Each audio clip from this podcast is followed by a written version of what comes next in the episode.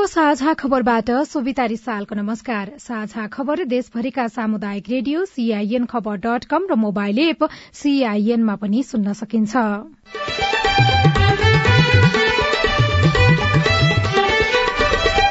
प्रतिनिधि सभातर्फ अब छत्तीस स्थानको अन्तिम परिणाम आउन बाँकी। प्रत्यक्षतर्फ कांग्रेस र समानुपातिकमा एमाले अगाडि पाँच दल मात्रै राष्ट्रिय बन्ने सम्भावना। युवा उम्मेद्वारप्रति मतदाताको आकर्षण। बाजुरा दोलखा र स्याङझामा अझै मतगणना शुरू हुन सकेन निर्वाचन आयोगको टोली अनुगमनमा। होइन अहिलेसम्म जम्मा जम्मी तीनवटा ठाउँमा गणना शुरू भएको छैन। दोलखा स्याङ्जा र बाजुरा। विदेशी वस्तुको आयात घट्यो। आजदेखि लैंगिक हिंसा विरूद्धको सोह्र दिने अभियान शुरू हिंसा पीड़ितमा बयासी प्रतिशत विवाहित महिला रहेको महिला आयोगको तथ्याङ्क। तिमी पनि पढेको छौ केही गर भनेर श्रीमानले पनि इन्करेज नगर्ने। अर्को कुरा चाहिँ हाम्रो प्याट्रियार्कियल सोसाइटी धेरै चाहिँ महिलाहरूलाई पेल्ने भनौँ न एक किसिम डोमिनेसनमा राख्ने। तिमीले हामीले जे भनेको त्यही मान्नुपर्छ। र विश्वकप फुटबलमा इरानको पहिलो जित कतार र सेनेगलको खेल जारी। आजै अमेरिका र इङ्ल्याण्ड खेल्दै।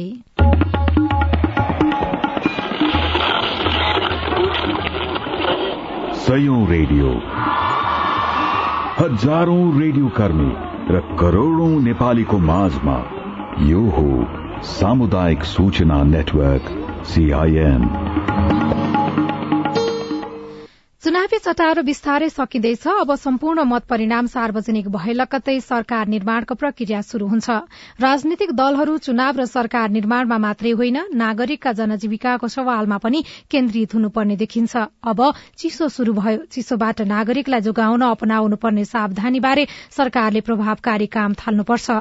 कम आय भएका नागरिकलाई न्यानो र तातो कपड़ादेखि पोसिलो खानेकुरासम्मको व्यवस्था गरिदिनुपर्छ। अब खबर अविनाश आचार्यबाट। प्रतिनिधि सभा र प्रदेशसभा निर्वाचनको मत परिणाम सार्वजनिक हुने क्रम अन्त्यतिर पुगेको छ। हालसम्म प्रतिनिधि सभाका एक सय पैंसठी मध्ये एक सय एकतीस क्षेत्रको प्रत्यक्षतर्फको अन्तिम परिणाम सार्वजनिक भएको छ जस अनुसार नेपाली कांग्रेसको अग्रता कायमै छ। कांग्रेसले चौवालिस क्षेत्रमा जित हात पारेको छ भने दश क्षेत्रमा अग्रता लिइरहेको छ। यसै गरी नेकपा एमाले चौतिस क्षेत्रमा विजयी हुँदा दश क्षेत्रमा अग्रता लिइराखेको छ। माओवादी केन्द्र बाह्र क्षेत्रमा विजयी र सात स्थानमा अगाडि छ। यस्तै नेकपा एकीकृत समाज समाजवादीले दश सीट हात पारेको छ। राष्ट्रिय स्वतन्त्र पार्टीले सात स्थानमा जीत र एक स्थानमा अग्रता कायम राखेको छ। राप्रपाले पाँच स्थानमा जीत निकालेको छ भने दुई स्थानमा अघि छ। जनता समाजवादी पार्टी तीन क्षेत्रमा विजयी र तीन स्थानमा अघि छ। यसै गरी लोकतान्त्रिक समाजवादी पार्टी तीन र नागरिक उन्मुक्ति पार्टी चार क्षेत्रमा विजयी भएको छ। नेपाल मजदूर किसान पार्टी जनमत पार्टी र राष्ट्रिय जनमोर्चा एक एक स्थानमा विजयी भएका छनृ। प्रदेशसभातर्फ पनि नेपाली कांग्रेस नै अगाडि छ। दुई सय पैंसठी निर्वाचन क्षेत्रको मत परिणाम सार्वजनिक हुँदा कांग्रेसले नब्बे स्थानमा जितेको छ। एमाले उनसत्तरी माओवादी केन्द्र पैंतालिस एकीकृत समाजवादी बाह्र स्वतन्त्र उम्मेद्वार एघार राष्ट्रिय प्रजातन्त्र पार्टी नौ जनता समाजवादी पार्टी जसपा नेपाल नौ सीटमा विजयी भएका छन्। लोकतान्त्रिक समाजवादी पार्टीले नौ जनमत पार्टीले छ नागरिक उन्मुक्ति पार्टीले पाँच र नेपाल मजदूर किसान पार्टीका उम्मेद्वार एक क्षेत्रमा निर्वाचित भएका छन्।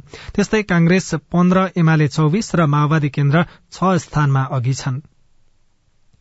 समानुपातिक तर्फ भने नेकपा एमालेको अग्रता कायमै छ। एमाले अहिलेसम्म गणना भएको मतको सत्ताइस दशमलव तीन प्रतिशत मत प्राप्त गरेको छ। एमाले हालसम्म एघार लाख त्रिहत्तर हजार दुई सय एकाउन्न मत प्राप्त गरेको छ। दोस्रो स्थानमा रहेको नेपाली कांग्रेसले कुल गणना भएको मतको पच्चीस प्रतिशत मत प्राप्त गरेको छ। कांग्रेसले हालसम्म एघार लाख सोह्र हजार आठ सय तेत्तीस मत ल्याएको छ। यस्तै राष्ट्रिय स्वतन्त्र पार्टीले बाह्र दशमलव नौ प्रतिशत मत अर्थात पाँच लाख पचपन्न हजार तीन सय छत्तीस मत सहित तेस्रो स्थानमा रहेको छ। नेकपा माओवादी केन्द्रले कुल गणना भएको मतमध्ये एघार दशमलव आठ प्रतिशत मत अर्थात पाँच लाख पाँच हजार आठ सय बत्तीस मत प्राप्त गरेको छ। राष्ट्रिय प्रजातन्त्र पार्टीले छ दशमलव आठ प्रतिशत मत पाएको छ भने अन्यले जम्मा पन्ध्र दशमलव एक प्रतिशत मत पाएको आयोगको तथ्याङ्कमा उल्लेख छ। आयोगका अनुसार प्रदेशसभा सदस्य समानुपातिकतर्फ पनि एमाले नै अगाडि छ। समानुपातिक निर्वाचनमा भाग लिएका मध्ये अहिलेसम्म सत्तालिस दलले मत पाएको देखिएको छ जसमा हालसम्म गणना भएका मतमध्ये करिब तीन लाख मत कटाउने दलको संख्या भने पाँचवटा मात्रै रहेको छ। प्रतिनिधि सभा र प्रदेशसभा निर्वाचनमा एकसठी प्रतिशत मतदान भएको निर्वाचन आयोगको प्रारम्भिक अनुमान छ जस अनुसार समानुपातिक प्रणालीमा दलहरूले सीट पाउन कम्तीमा तीन लाख बीस हजार मत ल्याउनु पर्ने निर्वाचन आयोगले जनाएको छ। तर आयोगका अनुसार हालसम्म उन्चालिस दलले एक लाख मत कटाउन सकेका छैनन् भने तीनवटा दलले एक लाख मत कटाएका छन्। तीन प्रतिशत मत नपुर्याउने दलहरूले प्राप्त गरेको मत गणना हुँदैन निर्वाचन आयोगका अनुसार समानुपातिक प्रणालीतर्फ अझै सतसठी लाख मतगणना गर्न बाँकी छ। आगामी बाह्र गतेसम्म समानुपातिक तर्फको मतगणना गरिसक्ने आयोगले दावी गरेको छ। गत मंगिर चार गते भएको प्रतिनिधि सभा र प्रदेशसभा निर्वाचनको प्रत्यक्षतर्फ मतगणना सकिन लाग्दा पनि तीन जिल्लामा अझै मतपेटिका खोलिएको छैन। बाजुरा दोलखा र स्याङ्जामा राजनैतिक दलबीचको विवादका कारण मतगणना हुन सकेको छैन। बाजुराको बुढीनन्दा पाँच लगायत जिल्लाका दुई दर्जन मतदान केन्द्रमा विवाद र झडप भएको थियो। सो जिल्लामा भएको एक मतदान केन्द्रको झडपमा परि कांग्रेस निकट विद्यार्थी संगठन नेवी संघका कार्यकर्ता सञ्जीव ऐडी र एमालेको विद्यार्थी संगठनका नेता चेतन ऐडीको निधन भएको थियो। दोलखा र स्याङ्जामा एमाले धाँधली भएकोले मतगणनामा सहभागी नहुने भन्दै पुनः मतदानको माग गरेको छ। मतगणना हुन नसकेका तीन जिल्लामा निर्वाचन आयोगले छानबिन टोली पठाएको छ। आयोगले सहसचिव तहको कर्मचारीको नेतृत्व नेतृत्वमा छानबिन गर्न आयोगले आज टोली पठाएको हो। टोलीले जाँचबुझ गरेर फर्केपछि टुङ्गो लाग्ने आयोगका प्रवक्ता शालिग्राम शर्मा पौडेलले सीआईएनसँग बताउनुभयो। होइन अहिलेसम्म जम्मा जम्मी तीनवटा ठाउँमा गणना सुरु भएको छैन। दोलखा स्याङ्जा र बाजुरा। हजुर। अब यसमा आयोगले केही निर्णय गर्न बाँकी छ। अब निर्णय गरेपछि मात्रै अनि हुन्छ अब आज आयोगको टोली बाजुरा पनि पुगेको थियो। अन्य जिल्लाहरूको पनि तत्कालै के गर्ने भन्ने बारे निर्णय लिने भनिएको थियो। त्यो टोलीले गएर अनुगमन गरेर के पायो? टोली फर्किनु पर्यो नि त। त्यो टोली फर्किन्छ त्यसले प्रतिवेदन दिन्छ अनि मात्रै। त्यसपछि मात्रै निर्णय हुने हो? हजुर हजुर हजुर। अन्य समयको पनि गणना जुन हिसाबले भइराखेको छ हामीले भनेकै समयमा सकिने देखिएन कि के हुन्छ बाह्र तेह्र गतेसम्ममा सबै गणना सकिन्छ। निर्वाचनमा भाग लिएका मध्ये यसपटक केही नयाँ दल संसदमा प्रवेश गरेका छन्। कैलालीबाट नागरिक उन्मुक्ति पार्टी र सप्तरीबाट जनमत पार्टीका सांसदको उदय भएको छ। दुवै दलले तीन प्रतिशत थ्रेस होल्ड कटाउन नसक्ने भएकाले उनीहरूको हैसियत संसदमा स्वतन्त्र रहनेछ। पहिलो पटक संसदको यात्रा तय गर्नुभएका जनमत पार्टीका अध्यक्ष समेत रहनुभएका सीके राउतलाई हामीले नागरिक समक्ष गरेका प्रतिबद्धता पूरा गर्ने योजना के छ भनेर सोधेका छौं। सम्पूर्ण नेपाली जनताहरूले जनमत पार्टीबाट ठूलो आशा गरेको हुनाले ठूलो जिम्मेवारीको महसुस भइराखेको अवस्था छ। ठूला ठूला दुईवटा गठबन्धनहरू थिए त्यो बीचमा हामी चाहिँ एक्लै चुनावमा प्रतिस्पर्धा गर्यौं र प्रथम चुनाव थियो। प्रतिनिधि सभाको चुनाव खास गरी हाम्रो लागि त्यही भएर पनि अलिकति जति राम्रो गर्नुपर्ने थियो सायद त्यो अहिलेको परिणाममा देखिएको छैन। तपाईँले जुन नागरिकहरूले अपेक्षा गरेका छन् भन्ने कुरा गर्नुभयो त्यो अपेक्षाहरू अब कसरी पूरा गर्नुहुन्छ त? पहिला अब सानो स्केलबाट सुरु गर्ने जस्तै अहिले पहिला सप्तरीलाई नै फोकस गरेर कार्यक्रमहरू ल्याउने त्यहाँ चाहिँ विभिन्न संघ संगठनहरू अब संसदमा त प्राय नीति नियम र ऐनहरू निर्धारण हुने हो त्यो चाहिँ बहुत हदसम्म सकारात्मक नै छ। त्यो च्यानलबाट प्रयोग गरेर नेपाल सरकारको बजेट मार्फत हुन् कि वा अन्य मार्फतबाट सहयोग अनुदान मार्फत हुन्छ कसरी हुन्छ ती मागहरूलाई चाहिँ हामी सम्बोधन गर्ने खालका परियोजनाहरू आफ्नो क्षेत्रमा ल्याउने र त्यसरी पूरा गर्ने हामी लाग्छ। जुन पुराना दलहरू थिए यसभन्दा अगाडि थिए उनीहरूले पनि भन्ने त सामान्यतया त यही नै कुरा हो। तपाईँ कसरी फरक त अब उनीहरू भन्दा भन्नु र गर्नुमा फरक छ। हामी चाहिँ अहिले गर्ने भरपूर कोसिस चाहिँ गर्नेछौँ। त्यो अनुसार चाहिँ जन किनभने हामी राजनीतिमा आएकै भनेको जनताको सेवा गर्नको लागि र खास गरी अहिलेको प्रमुख एजेन्डा पनि हाम्रो सेवा प्रवाह नै भएको हुनाले जनतालाई सेवा दिने दिने खालको कामहरू चाहिँ जुन हामीले वाचा गरेका थियौँ यो निर्वाचनको क्रममा त्यसलाई पूरा गर्न हामी लाग्नेछौँ। तपाईँले अघि भनेको कुरा अलिक अमूर्त जस्तो भयो। ठ्याक यसरी यसरी गर्ने भन्ने कुनै कार्ययोजना खाका पनि त बनाउनु भएको होला नि त? कार्ययोजना त अब लक्ष्य चाहिँ निर्धारित छ। कार्ययोजना त अब हेर्नुहोस् अब त्यहाँ गइसकेपछि सरकारमा जाने नजाने विभिन्न कुराले फरक पार्छ कि त्यसमा चाहिँ? त्यो भएर यो त अब आउँदो दिनमा देखिन्छ। आजदेखि लैंगिक हिंसा विरूद्धको सोह्र दिने अभियान शुरू भएको छ। प्रत्येक वर्ष नोभेम्बर पच्चीस अर्थात मंगिर नौदेखि डिसेम्बर दश अर्थात मंगिर चौविससम्म अन्तर्राष्ट्रिय अभियानको रूपमा विभिन्न कार्यक्रम गरी लैंगिक हिंसा विरूद्धको सोह्र दिने अभियान मनाउने गरिएको छ। तर नेपालबाट अझै हिंसा न्यूनीकरण हुन सकेको छैन। राष्ट्रिय महिला आयोगको पछिल्लो तथ्याङ्क अनुसार एक वर्षमा औसतमा एक हजार भन्दा बढ़ी लैंगिक हिंसा उजुरी दर्ता भइरहेका छन् जसमा बाहन्न प्रतिशत हिंसा छब्बीसदेखि चालिस वर्ष उमेर समूहका महिलामाथि हुने गरेको देखिएको छ। भने पच्चीस प्रतिशत प्रतिशत हिंसा सोह्र वर्षदेखि पच्चीस वर्ष उमेर समूहका किशोरी तथा महिलामाथि हुने गरेको देखिएको छ। पन्ध्र प्रतिशत हिंसा चालिसदेखि साठी वर्ष उमेर समूहका महिलामाथि हुने गरेको पाइएको छ। यस्तै आयोगको तथ्याङ्क अनुसार साठी वर्ष माथिका ज्येष्ठ महिलामाथि हुने हिंसा दुई प्रतिशत भन्दा बढ़ी छ भने छ प्रतिशत हिंसा सोह्र वर्ष मुनिका बालबालिकामा हुने गरेको देखिएको आयोगका प्रवक्ता चमिला भट्टराईले सीआईएनसँग बताउनुभयो। शिक्षित महिला छन् तर उनीहरूले भने जस्तो घरबाट जे एक्सपेक्टेसन गरेका हुन्छन् त्यो नपाइसकेपछि अब उजुरीमै आउने हुन्। अब त्यो त्यो नपाउने भनेको चाहिँ अब तिमी पनि पढेको छौ केही गर भनेर श्रीमानले पनि इन्करेज नगर्ने। अर्को कुरा चाहिँ हाम्रो प्याट्रियार्कियल सोसाइटी धेरै चाहिँ महिलाहरूलाई टेल्ने भनौँ न एक किसिम डोमिनेसन नराख्ने तिमीले हामीले जे भन्नु त्यही मान्नुपर्छ। कोही केही गर्न चाहन्छन् भने अब बुहारी भयो घरमा बसेर काम गर्नुपर्छ भन्ने अनि उनीहरू त्यो सहन सक्दैनन्। अनि यो झन् यो पढे लेखेको महिलाहरूमा यो कारणले चाहिँ हिंसाको वृद्धि भएको पाइन्छ। आयोगका अनुसार हिंसा पीड़ितहरूमा बयासी प्रतिशत वैवाहिक अवस्थाका महिलाहरू रहेका छन् भने एघार प्रतिशत अविवाहित महिलामाथि हिंसा हुने गरेको छ। साझा खबरमा अब खेल खबर। उन्नाइस वर्ष मुनिको राष्ट्रिय क्रिकेट प्रतियोगितामा बागमती प्रदेशले लगातार दोस्रो जीत हात पारेको छ।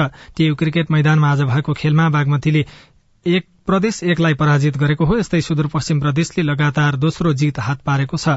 आज भएको खेलमा सुदूरपश्चिम प्रदेशले लुम्बिनी प्रदेशलाई एक सय रनले पराजित गरेको हो। विश्वकप फुटबल विशेष। विश्वकप फुटबलमा इरानले पहिलो जीत हात पारेको छ। आजको पहिलो खेलमा इरानले दश खेलाड़ीमा समेटिएको वेल्सलाई दुई शून्यले हराएको हो। वेल्सलाई पहिलो पटक हराउने क्रममा इरानका रइज बेह चेस्मी र रमिन रिजाइनले एक एक गोल गर्नुभयो। अहमद बिन अली रंगशालामा भएको खेलको अन्ठानब्बे र एक सय एकौं मिनटमा गोल भएको थियो। प्रतियोगितामा अहिले आयोजक कतार र सेनेगल खेलिरहेका छन्। प्रतियोगिताको पहिलो हाफसम्म सेनेगल एक शून्यले अघि छ। विश्वकपमा आज राति पाउने दस बजे नेदरल्याण्ड्स र इक्वेडर खेल्नेछन्। खलिफा रंगशालामा उत्रँदै गर्दा दुवै देश लगातार दोस्रो जीत हात पार्दै नकआउट चरणमा स्थान बनाउन चाहन्छन्। पहिलो खेलमा नेदरल्याण्डले सेनेगललाई र इक्वेडरले कतारलाई समान दुई शून्यले हराएका थिए। आजै मध्यराती पाउने एक बजे शुरू हुने अर्को खेलमा अमेरिका र इंग्ल्याण्ड खेल्नेछन्। आज वायात रंगशालामा हुने खेलमा इंग्ल्याण्ड दोस्रो जीत र अमेरिका पहिलो जीतको खोजीमा हुनेछ। अमेरिका पहिलो खेलमा वेल्ससँग एक एकको बराबरी खेलेको थियो।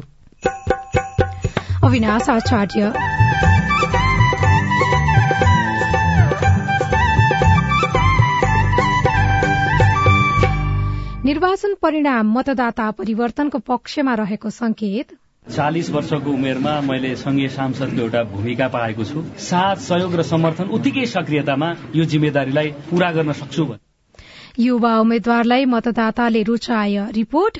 मधेसमा पोखरीको महत्व र वर्तमान अवस्था लगायतका सामग्री बाँकी नै छन्। सीआईएनको साझा खबर सुन्दै गर्नुहोला।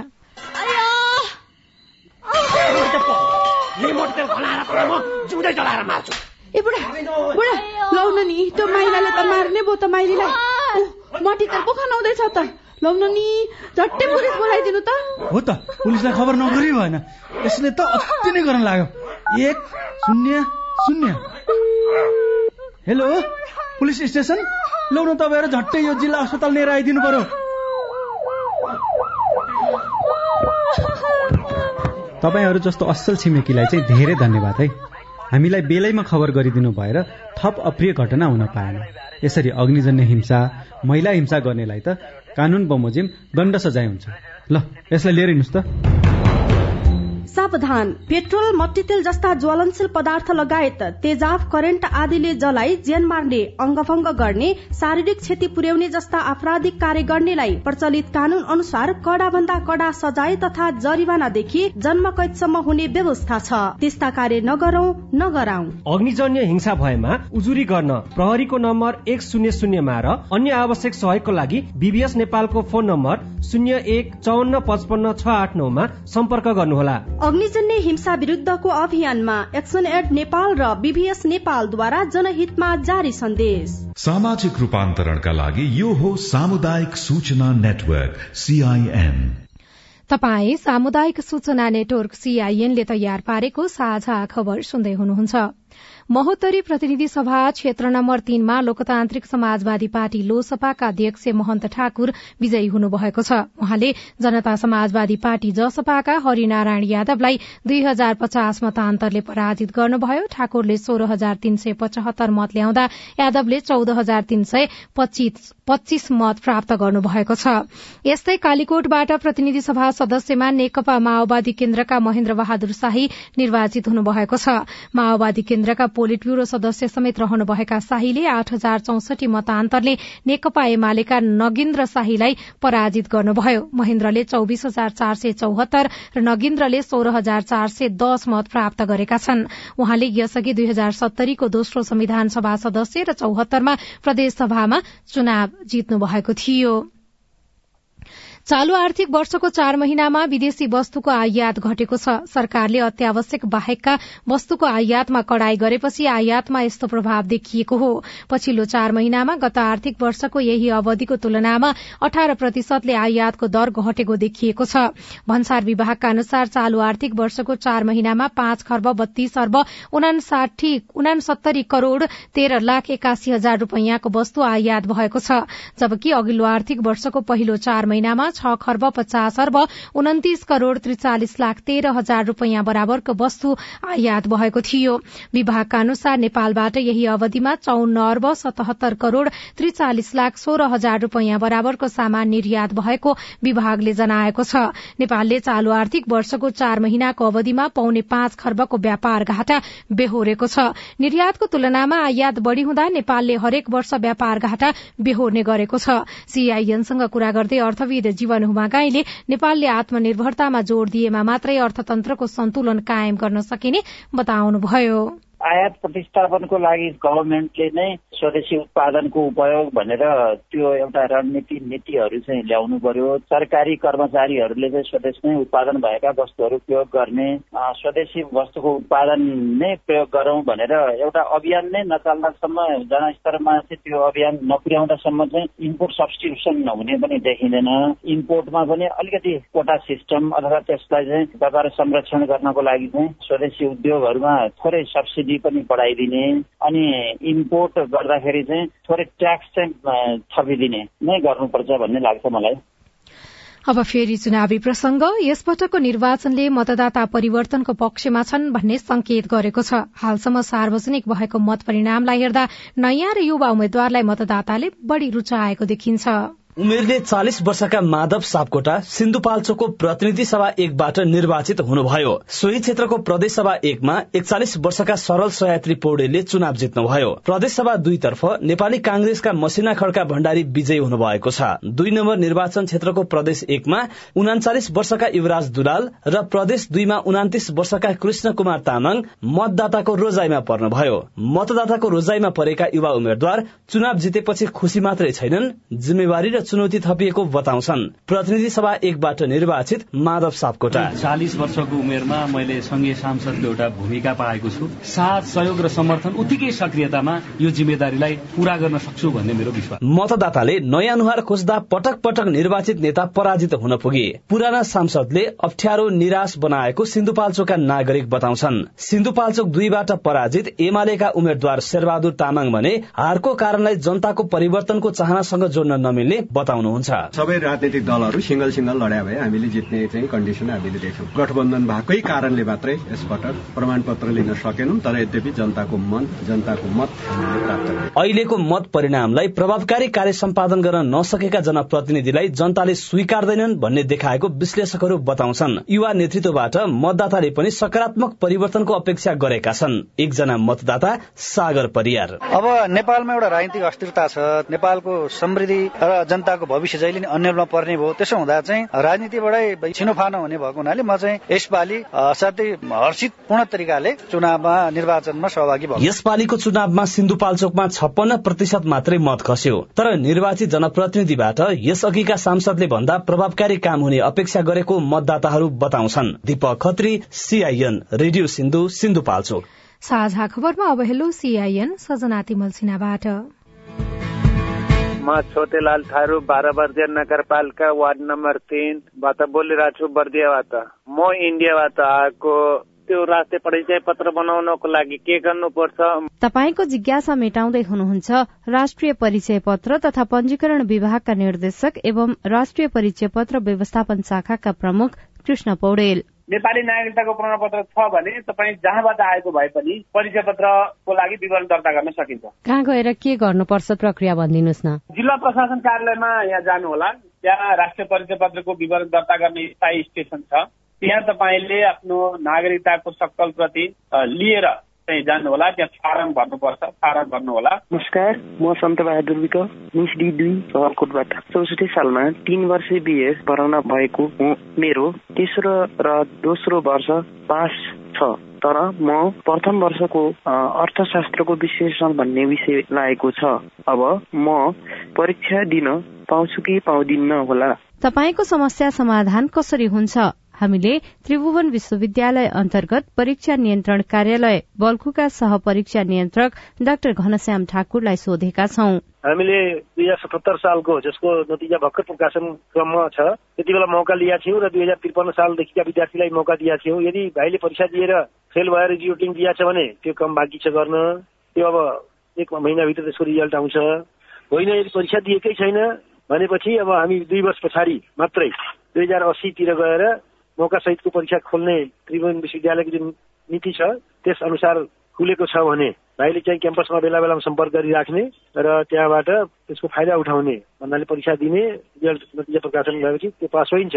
होइन अब एकदमै गाह्रो छ भने नयाँ भर्ना गरेर चार वर्ष बिएडमा भाइले पढे नि हुन्छ। तपाईँ जुनसुकै बेला हाम्रो टेलिफोन नम्बर शून्य एक बान्न साठी छ चार छमा फोन गरेर आफ्नो प्रश्न जिज्ञासा गुनासा अनि समस्या रेकर्ड गर्न सक्नुहुनेछ। तपाई सामुदायिक सूचना नेटवर्क सीआईएनले काठमाण्डुमा तयार पारेको साझा खबर सुन्दै हुनुहुन्छ। साझा खबर मोबाइल एप नेपाली पात्रबाट पनि सुनिरहनु भएको छ। पोखरी मासिँदै जाँदा मधेसको जीवन संकटमा पोखरी के बारे में गरीब दुखिया है से कत जते नहाय कत जते नुआ खींचा ओकर माल जाल केना पानी पीते? पोखरी नै रहते त हम सब सका नै सकबै। संरक्षणमा सरकारी चासो किन छैन। रिपोर्ट बाँकी नै छ। सीआईएनको साझा खबर सुन्दै गर्नुहोला।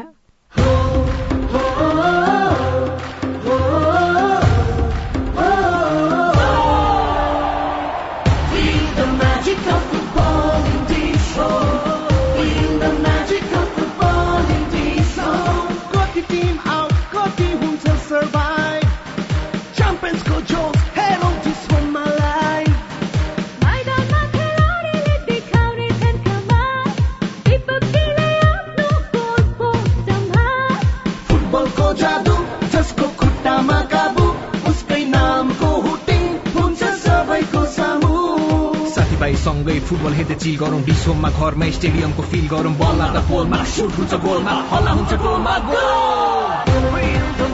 विश्वकप फुटबलको म्याजिक खेल्नुहोस् विश्वमा लाइभ लगाउँदै गरेको खोपमा चाहिँ बालबालिकाहरू कहाँ गएर लगाउनु पर्ने र खोप लगाउन जाँदा के के लिएर जानु पर्ने त्यसबारे बताइदिनुहोस् न। मेरो जिज्ञासा के छ भनेपछि हामी विद्यार्थीहरू एकदमै जोखिममा छौँ तर पनि हामीहरूले समयमा खोप उपलब्ध हुन सकेको छैन।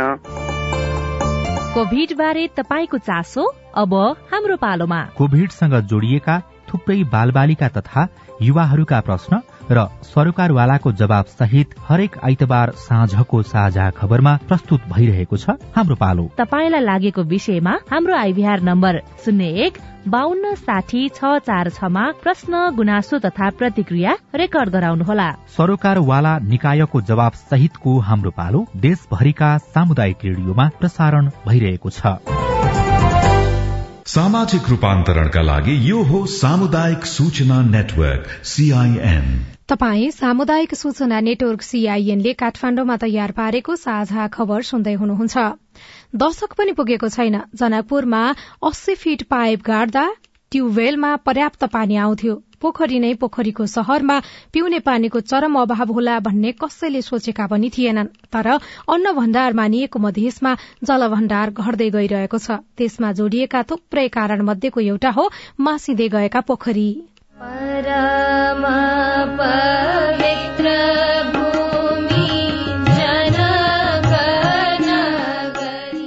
जनकपुर पोखरीहरूको सहर हो तर बढ्दो शहरीकरणले पोखरी मासिँदैछन्। घरहरू थपिँदैछन्। जनकपुरबाट एघार किलोमिटर पूर्व लागेपछि कनकपट्टि पुगिन्छ। बाटैभरि भेटिन्छन् साना ठूला पोखरी। कतै कपड़ा धोइरहेका मानिसहरू देखिन्छन् त कतै मध्य घाममा डुबुल्की मारिरहेका भैंसी। उमेर ढल्किँदै जाँदा सीता देवीका आँखाहरू धमिलो हुँदै गएका छन्। टाढाको मान्छे ठ्याक्कै ठम्याउन सक्नुहुन्न। तर नजिक पुगेपछि सिंचाई नपाएर धाजा फाटेका खेतबारे बेलिविस्तार लगाउनु भयो खेत में कल रहते तब न सब कथु उपजते? कले न है खेत में पानी बेगर ने। हमारे खेत हवा ऊंचा पानी नहीं हवा ये सरकार सब कुछो नहीं देती? नहीं किछो नहीं देने। चालू न खेत में देखा दूंगा खेतो देखा दूंगा। हमरा सबके किछो नहीं देने हवा कथु न उपजे एगो बियो कहियो खसाब तो गहुमो न उपजैया चाहे धानो न उपजैया सीता देवीसँग गफकाफ सकिएकै थिएन। छेउमा आउनुभयो बिल्टु साहु। उहाँको उमेर सत्तरी वर्ष नाग्यो। आफ्नो जीवनकालमा पहिलो पटक घर छेउकै पोखरी सुकेको देखेर उहाँका आँखाहरू रसाउँछन्। पोखरी सुखा देने है तीन बरस से घाट काल की बनाए घाटों नहीं बना सकी। स्नान करे के दिक्कत छठ करे के दिक्कत माल जाल के दिक्कत सब चीज के दिक्कत ने। कपड़ा लता खींचे वाला नहीं ठाव है तो घाटो नहीं बनाए रहे तीन बरस से पोखरी सुखा के राख देने है। कठु नहीं सुविधा है। मधेस चुरेको फेदीमा छ। एकातिर चुरे मासिँदैछ अर्कोतिर विकास र शहरीकरणका नाममा पोखरी पुरिँदैछन् जसले मधेसमा पानीको हाहाकार बढ़ाउँदैछ। पोखरी के बारे में गरीब दुखिया है से कत जते नहाय कत जते नुआ खींचा ओकर माल जाल केना पानी पीते? ओकरा कल न है तो पोखरो नहीं चालू करे छी तो केना होते सरकार? सरकार बजट नहीं देलकै तो चल गेले ईटा गिरायल ईटा लक चल गेलिए आमदनी होइ छै स्कूल के भेलै सिंचाई भेलै माछा पालन भेलै ओके लगानी बझानी भेलै तलब दरमाहा भेलै टीचर सुन के मधेश में पोखरी ना होई तो यहाँ के आदमी नहीं बाँच सकते? नहीं होते पोखरी तो नहेते कत आल माल जाल माल कत नहेते पानी पशुपालन सब कत पीते। पोखरी भरे के चाहिए कि न भरे के चाहिए नहीं भरे के चाहिए खाना के चाहिए हर गांव में खाना के चाहिए पोखरी। एक दशक यता धनुषामा सतहमुनि सञ्चित जलभण्डार दसदेखि पन्ध्र मिटर तल झरेको खानेपानी तथा सरसफाई डिभिजन कार्यालय जनकपुरको तथ्याङ्कले देखाउँछ। पुराना पुस्ताका मानिसहरू भन्छन् पोखरी मधेसको जीवन हो। पोखरी नहीं रहते तो हम सका नहीं सकबे। पोखरी नहीं रहते तब छठ पबनी कत करबे। भैंसी कत नहाबे अपने कत नहाबे हमरा सबके कल तो है नहीं आ कलो है तो कल में मोटर नहीं है। कते कल चलेबे कपड़ा कत खींचा जाबे केना रह सकते? कथी से सुख प्राप्त करते? केना करते? कते बूढ़ा सब कल चलेते? आ भैंसी कत से पानी पीते? नहीं मोटर के सुविधा है। गरीब आदमी कत से किन के लेबे? मोटर तो चलेबे। तब सुविधा जे नहीं पोखरी के रहती तो केना रहती जीवन? केना माल जाल रखते? केना जरना काठी होते? लखन तुम गौर से देखो तर शहरी क्षेत्रमा पोखरी संरक्षण चुनौतीपूर्ण बन्दै गएको छ। जलाधार विज्ञ मधुकर उपाध्यायका अनुसार मधेसमा पानी पुनर्भरणका लागि पोखरी साँच्चीकै महत्वपूर्ण छन्। पहिला जुन लेभलमा पानी पाउँथ्यो त्यो चाहिँ निकै तल गयो भनेपछि पानी महँगो भयो होइन? धेरै तलबाट तान्नु पर्यो ठुलो मेसिन चाहियो अलि बिजुली खर्च होला धेरै। भन्दाखेरि पोखरी नासिएको चाहिँ तपाईँको अर्थव्यवस्थामा तपाईँको आम्दानीका स्रोतमा तपाईँको वातावरणमा तपाईँको अलिकति भविष्यसम्म हेर्ने हो भने लङ टर्ममा यसले नोक्सानहरू चाहिँ थुप्रै गर्दै गएको छ। पुराना पोखरी संरक्षण र नयाँ पोखरी खन्नका लागि तिनै तहका सरकारले कुनै ठोस योजना बनाएको देखिँदैन। सरकारी आँकडा अनुसार मधेसमा दुई हजार भन्दा बढ़ी प्राकृतिक ताल तलैया छन् तर पानी पुनर्भरणका लागि त्यो भन्दा दोब्बर संख्यामा पोखरी खन्नुपर्छ। विज्ञहरू पनि चुरे संरक्षण र पोखरी संरक्षण नै मधेसमा पानीको अभाव हुन नदिने सबैभन्दा उत्तम उपाय भएको बताउँछन् राजन रुचाल सीआईएन काठमाडौँ। प्रतिनिधि सभातर्फको मत परिणाम आउने क्रम अन्तिम चरणमा पुगेको छ। अब छत्तीस स्थानको अन्तिम मत परिणाम आउन बाँकी रहेको छ। प्रत्यक्षतर्फ कांग्रेस र समानुपातिकमा एमाले अगाडि देखिएको छ। पाँच दल मात्रै राष्ट्रिय पार्टी बन्ने सम्भावना बनेको छ। युवा उम्मेद्वारप्रति मतदाताको आकर्षण देखिएको छ। बाजुरा दोलखा र स्याङझामा अझै पनि मतगणना शुरू हुन सकेको छैन। निर्वाचन आयोगको टोली अनुगमनमा खटिएको छ। आजदेखि लैंगिक हिंसा विरूद्धको सोह्र दिने अभियान शुरू भएको छ। हिंसा पीड़ामा पर्नेमा बयासी प्रतिशत विवाहित महिला रहेको महिला आयोगको तथ्याङ्कले देखाएको छ। र विश्वकप फुटबलमा इरानले पहिलो जीत निकालेको छ। कतार र सेनेगलको खेल अहिले जारी छ भने आजै अमेरिका र इंग्ल्याण्ड खेल्दैछन्। आजलाई साझा खबरको समय सकियो। प्राविधिक साथी सुरेन्द्र सिंहलाई धन्यवाद। भोलि मंगिर दस गते बिहान छ बजेको साझा खबरमा फेरि भेटौँला। अहिलेलाई सोभिता रिसाल पनि विदा हुन्छु। नमस्कार शुभरात्री।